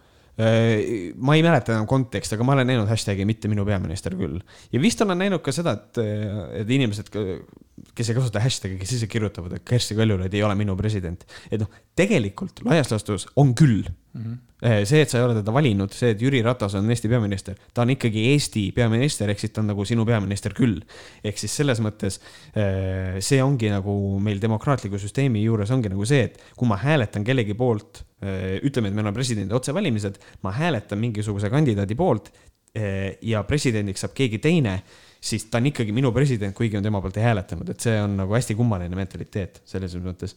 ja, ja siis nagu Martin millegipärast ütleb hästi, hästi veidrat asja, et noh, et et Kaljulaid üritab teha nagu poliitilist karjääri, et ju mõni väike partei ta pärast üles nopib ja süvariigi abil teda Riigikogus upitab. Vaadates seda, et Kersti Kaljulaid vist kandideeris, ma ei mäleta enam kuhu, väga kõrgele kohale Euroopas OECD. just OECD-sse, et äh, vaevalt, et nüüd Kersti Kaljulaid läheb Riigikokku pärast, et tal on vähe kõrgemad sihid äh,. ja ma... pappi minu arvates oli tal enne oli nagu muda oli Kaljulaidil, tohutu hunnik pappi oli tal. jah, et nagu selles mõttes Riigikogu töö, ei, see on sellistele väikestele kasututele inimestele. kui nagu tugev nagu peab olema tegelikult Kaljulaidi, noh, see või, ette. sest see on nagu, mis temaga tehakse, noh, jälle minu arvamus on see, et ikka täiega lahmitakse mm. -hmm. ja ma nüüd ei tea, kas see asi on, on selles, et nagu vanasti internet ei olnud nii populaarne, aga mulle tundub ka, et ta on praegu, et ta on kõige ebapopulaarsem president, kes meil on olnud mm.. või siis ma näen ainult mingisugust seda kõlakoda, kus see vastu arvan, kajab. ma arvan, et sa näed kõlakoda selles mõttes, et selline häälekas vähemus teeb sitaks üle lärmi. väga hästi teevad lärmi. et ma leian seda, et küll, noh, ma ei, ma ei tea, võiks olla üks korralik uuring, võib-olla on tehtud ka, et kuidas nagu Eesti rahvas temaga rahul on, aga need valimi suurused on alati siuksed natukene veidrad. mina võin öelda, minule kõige vähem meeldis presidentidest Arnold Rüütel. nagu Jei. täiesti nagu minu jaoks nagu zero samamoodi ei meeldinud mulle enam lõpus Ilves, alguses mulle Ilves meeldis. Mm.. tead, ma ütlen sulle päris ausalt, ma olin ise niivõrd poliitikakauge inimene tol ajal, et ma isegi ei suuda seda meenutada. et, äh, et mul puudus igasugune otsene, ma mäletan, ma vaatasin presidendi, presidendivalimisi, ma mäletan, kuidas mu ema nägi, kuidas äh, ametivannet andis äh, Toomas Hendrik Ilves, ta ütles, ta istub seal nagu konn ma ei tea siiamaani, mida see istub nagu konn tähendab, aga et ma olin niivõrd poliitika kauge ja tuleb tunnistada, et kui oli Rüütel president, siis ma olin ka nii noor, et ma ei. ja tead, mis kõige naljakam on, ma mäletan seda, kui olid Eesti esimesed presidendivalimised, ma mäletan, need tulid nagu meile postkastidesse tulid äh, fotod, seal olid siis Lennart mm. Meri ja minule meeldis ilgelt Rein Taagepera mingil põhjusel. ma ei teadnud tegelikult mitte midagi poliitikast, aga kuidagi ta mulle meeldis ja mina tahtsin, et tema oleks president no.. väike üheksa-aastane Andreas arvas, et Rein Taagepera oleks parim president, aga sai Lennart Meri. Et, kes on saanud ja. ka hiljem nagu populaarsemaks, kui ta tegelikult oli tol hetkel. sest iga kord, kui ta aastavahetuse kõnet pidas, ma mäletan, inimesed magasid mm. -hmm. sest ta, aga praegu nagu noh, niimoodi nagu tõstetakse teda esile, et nagu, et noh yeah., see oligi maailma parim ka,. et äh, mul jääb kogu su jutust mulje, et sa oled kuuekümne viie aastane aga. ma olen hästi, ma olen hästi kultuur, kultuuriga olnud, jah. mina mäletan Eesti esimesi presidendivalimisi, jesus dude aga minu põhimälestused hakkasidki kuskilt aastast kaheksakümmend kaheksa, kaheksakümmend üheksa ja mm -hmm. siis nagu sealt üheksakümmend pluss, siis on juba nagu väga hästi meeles, et. okei okay Cool. mingil, mingil põhjusel. ma sündisin üheksakümmend, nii et mul enne seda ma ei mäleta suurt midagi. ma, ma olen, kuule, ma olen üks äh, keskealine valge mees varsti. ma küsisin täna ühe töökaaslase käest, et no kellega ma nagu väga palju ei suhtle, ta on kahekümne kolme aastane tüüp ja siis küsin, et kuule, et nagu. kas sa, kui sa minuga räägid, kas, kas sa tunned ka nagu sa räägiksid põhimõtteliselt neljakümne aastase mehega mm? -hmm. See, mm, mm -hmm. no mul on, et, et, et nagu põhimõtteliselt. mul on sama, jah, ma ka ei tunne seda, jah. et see on jah sa oled äh, noor liberast, sul ei ole muud midagi. nii, tänases saates on ka ära, ära öeldud, et sa oled liberast. ikka tuleb, ikka tuleb. ja siis loomulikult äh, Martin Helme tõstatas väga olulise küsimuse Eesti kontekstis, et kas keegi on teinud rohkem kahju Eestis naistevastase vägivalla vastase võitluse mainele kui see sõge naine ja minu vastus on, on, on küll jah, kui mulle tuleb, ma kirjutan, ma loen ette selle, mis ma olen oma dokumenti kirjutanud, jah tuleb meelde üks raadiosaade, kus kaks konservatiivset munni räägivad, et perevägivald pole probleem ja statistika valetab. mine putsi.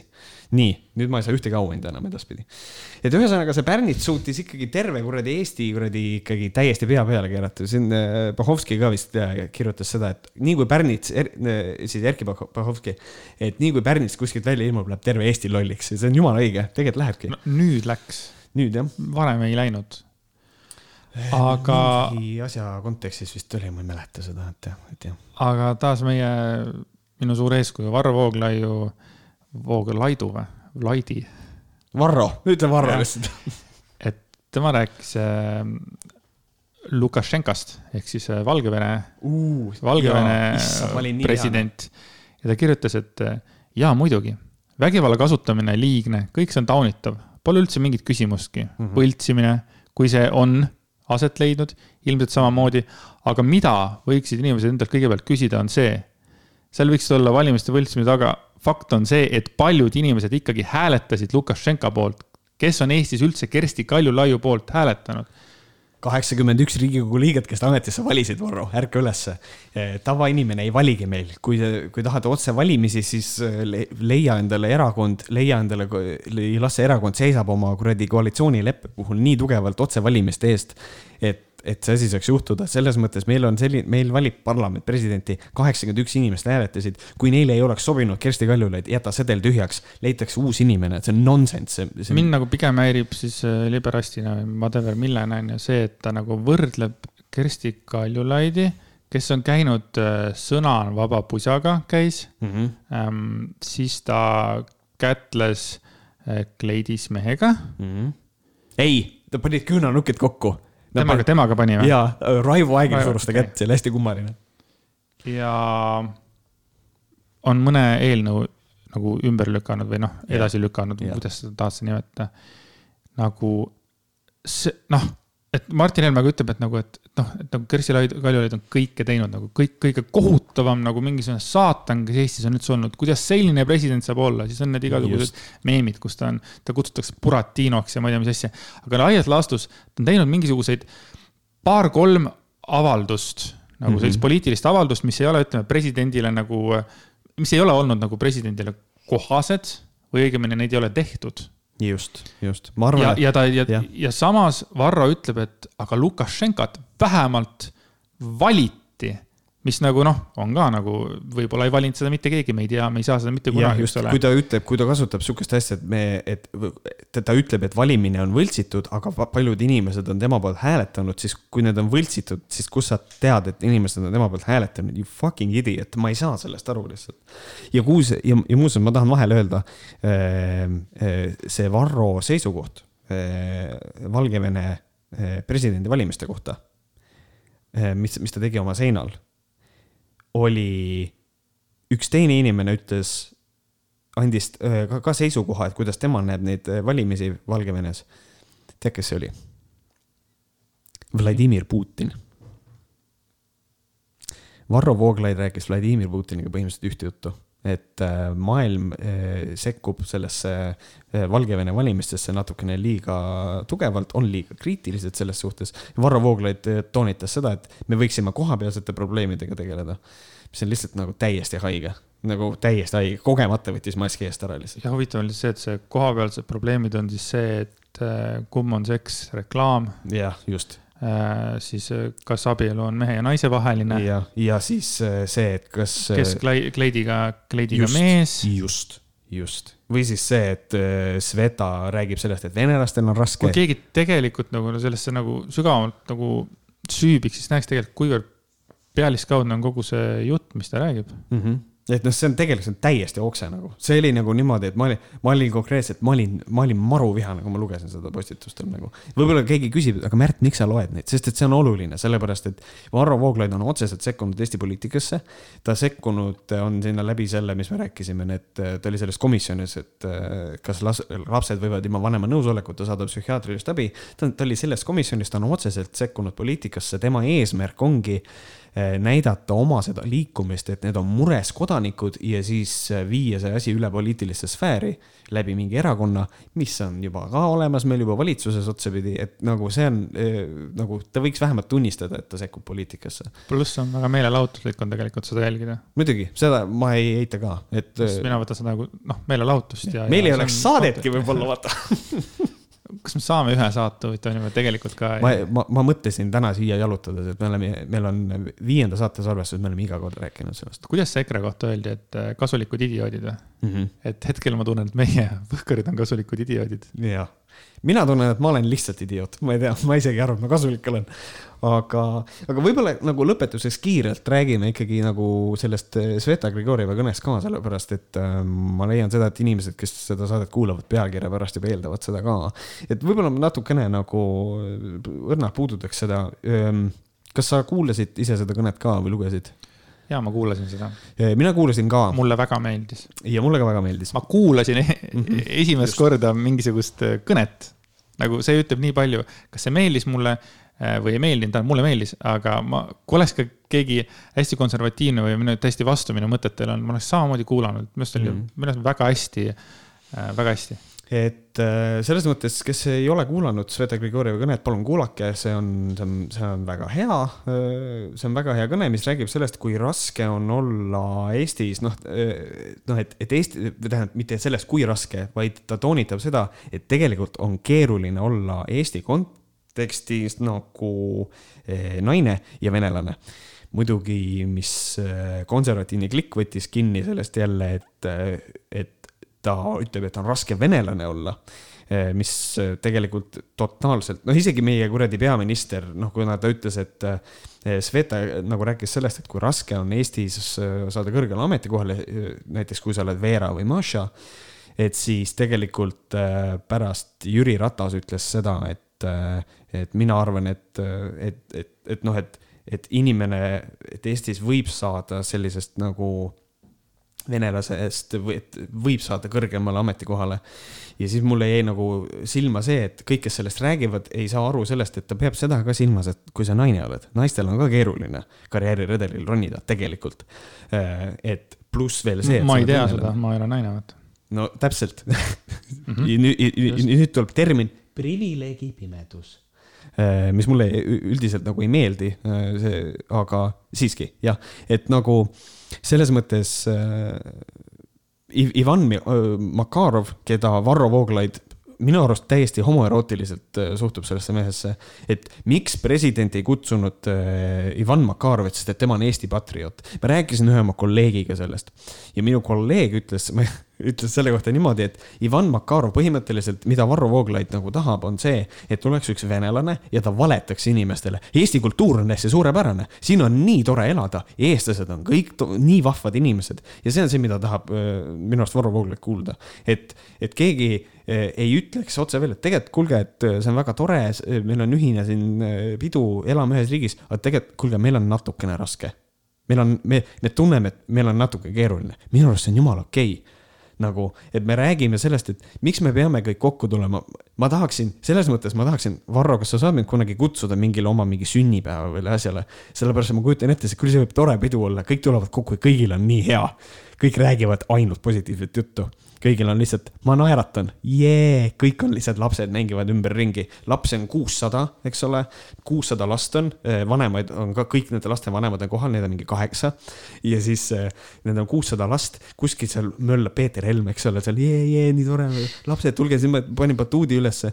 et ma tahaksin nagu tõsiselt äh, nagu osa saada sellisest üritusest, kus kohas Varro Vooglaiul on kõik hästi no, positiivne. päris palju on nagu arutatud sellel teemal, et kas nagu see ilus Eesti sünnipäev mm, -hmm. kas see on nagu see hetk, kus nagu manitseda inimesi või, või rääkida tõsistel ja. teemadel ja taaskord on hästi palju erinevaid arvamusi. mida ja, sina arvad? mina arvan, et see on täpselt õige koht, see on õige mm, -hmm. see on õige hetk, kus inimesed kuulavad ja, ja kus nagu noh, pöörata nagu tähelepanu võib-olla nendele punktidele, mida kõik ei näe. jah, just. ja siis mulle nagu, mis mind, mis mind nagu ärritas kogu selle asja juures, oli see ka, et mis kohe nagu järgmine Äh, päev või millal see oli, kus Maria Jufereva-Skuratovski äh, ütles meedias, et, et näete, mina olen Maša ja ma olen Riigikogu liige. ja siis mul on see, et issand, kui tore, näete, me leidsime ühe, me leidsime ühe venelase, kes on naine ja ta on Riigikogu liige. vaata, kui tore nagu.... sina oled aru saanud lausest äh, erand kinnitab reeglit või? absoluutselt, muidugi, see on, kogu vene keele grammatika on sellele üles ehitatud. mina kunagi ei ole, ma, ma ei saa aru sellest, miks see erand reeglit kinnitab ma kunagi hästi pikalt nagu diskuteerisin seda, seda oma sõbra Jüriga, et nagu mis mõttes erand, kus, kust see nagu tuleb, vaata et ma saan nagu jah. ei noh, see ongi mõeldud selle jaoks, et eh, pannakse paika reegel ja siis mingi asi on teistmoodi, siis öeldakse. ja, no, aga, aga miks see kinnitab, vaata no.. ei no see ei ole no, siis no,. tegelikult ei kinnitagi, selles on point aga mida Ivan Makarov ütles äh, selle kõne kohta on niimoodi, et äh, ta võttis nagu siukse, ta nimetas seda, selle kõne nagu või selle koosviibimise kvintessendiks, kvintessendiks on see, et see ongi Kadrioru esinemise kvintessents ehk sõnum. Venekeelsete inimeste õnne Eestis segavad eesti keel ja kultuur. ja nüüd kui Varro Vooglaid päriselt arvab, et Ivan Makarov, kes ei ole suuteline funktsionaalselt lugema ja kuulama, mida Sveta Grigorjev ütles ja ta võtab sellest sellise kvintessentsi kokku, ta saab sellest niimoodi aru, siis äh, sorry, Makarov on lollakas. ta on rumal inimene, kes ei saa aru, mida Sveta ütles. kõik. ta lihtsalt on loll. mismoodi eesti keel ja kultuur segab venelast, absoluutselt. suhtumine segab nagu see on hoopis midagi muud, noh. aga tea, mängi korra sellega, selle mõttega, et aga kui oleks olnud, olekski olnud, ütleme, mees, vene tüüp ja mm -hmm. rääkinud sama juttu. Mi-, mis sa nagu arvad, kas sellest oleks nagu, no muidugi ta ei saa rääkida, et jah, ma olen ja, no, no, naise no, naise seda kui, osa, aga. jah, et, et siis ma ei kujuta ette raisk, ma ei kujuta ette. ma ei ole kunagi mõelnud selle, mis sa ütlesid, mis privileeg see on äh,? privileegi pimedus. privileegi pimedus, ma ei ole mitte kunagi tegelikult mõelnud, ma ei ole kunagi tundnud ennast nagu priviligeerituna. sest et inimene ei tunnegi seda, privileegi näevad kõik teised põhimõtteliselt. Kuigi minul on privileegide suhtes väga oma suhtumine, mina leian seda, et äh, kõikidel inimestel on mingid privileegid. Äh, kui sa ei ole nii-öelda priviligeeritud staatuses inimene, siis sul on mingid privileegid, mida teistel ei ole.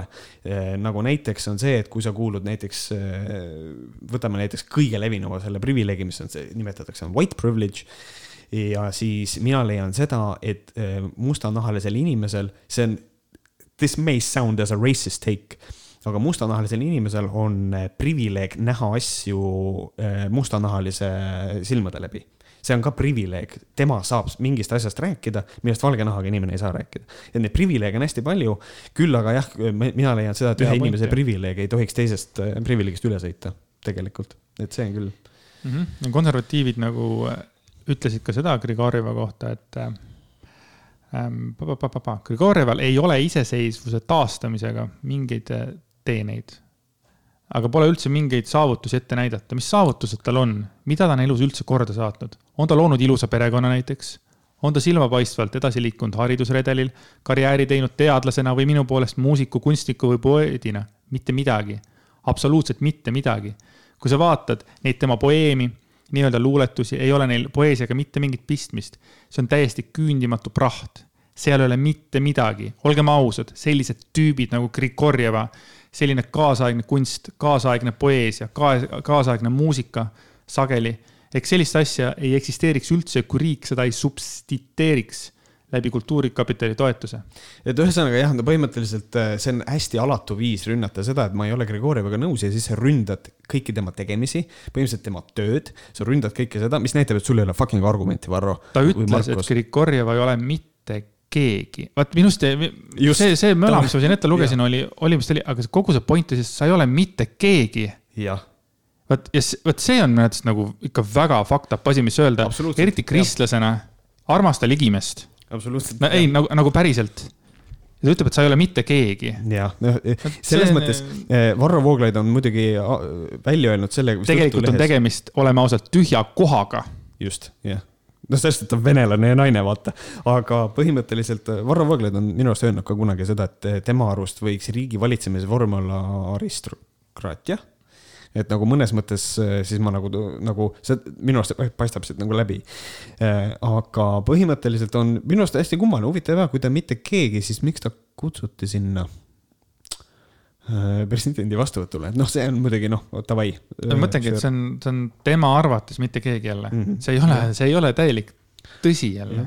et noh, selles mõttes mina leian seda, et äh, mina olen ise ka kasutanud seda terminit, et ta on mitte keegi, aga tavaliselt see on, ma kasutan seda sellises kontekstis, kui kui mingisugune totaalne võhik räägib mingisugusest asjast millest ta tegelikult mitte midagi ei tea. ehk siis noh, sellises kontekstis, aga väga keeruline on nimetada eh, naisterahvast, kes räägib eh, nagu, kes on pooleldi venelane, et ta räägib oma kogemusest, mis tunne on olla Eestis naine ja venelane ja siis öelda, et ta on mitte keegi. et nagu see on, see on nagu okse eh, pluss rünnata, et oh, tema kogu see kaasaegne kunst, et see on täielik jura. See on, see on täiesti suhteline, kunst on totaalselt tõlgendaja silmades. Äh, et nagu see on, see on inimesel nii veider arusaam, kui mulle see kunst ei meeldi, siis kogu see kunst on nagu täiesti mõttetu, ma toon kohe enda puhul näite. mina ei arva näiteks Picasso maalidest absoluutselt mitte sittagi mulle ei lähe absoluutselt korda Picasso. mulle ei lähe absoluutselt korda eh, eh, kunstivormides kubism ei lähe mulle korda, mulle ei lähe korda dadaism.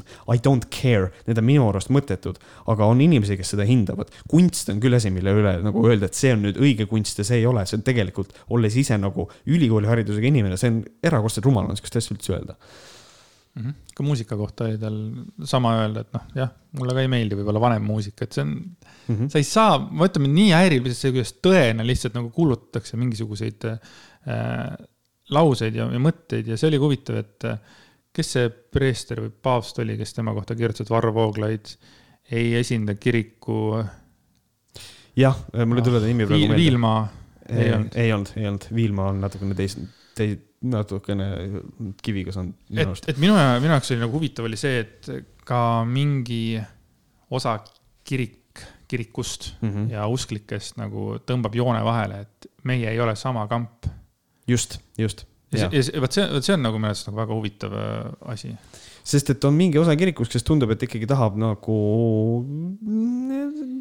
hästi ebameeldiv veel öelda, et nagu ajaga kaasas käia või? mina mõtlen ikka selle peale, et, et nad on nagu nii õelad mm. -hmm noh, ja tõesti, nad on õelad, miks me oleme pidevalt selle, nende kallal ka, on täpselt see, see, kuidas ne, minu arvates äh, õhutavad nemad viha.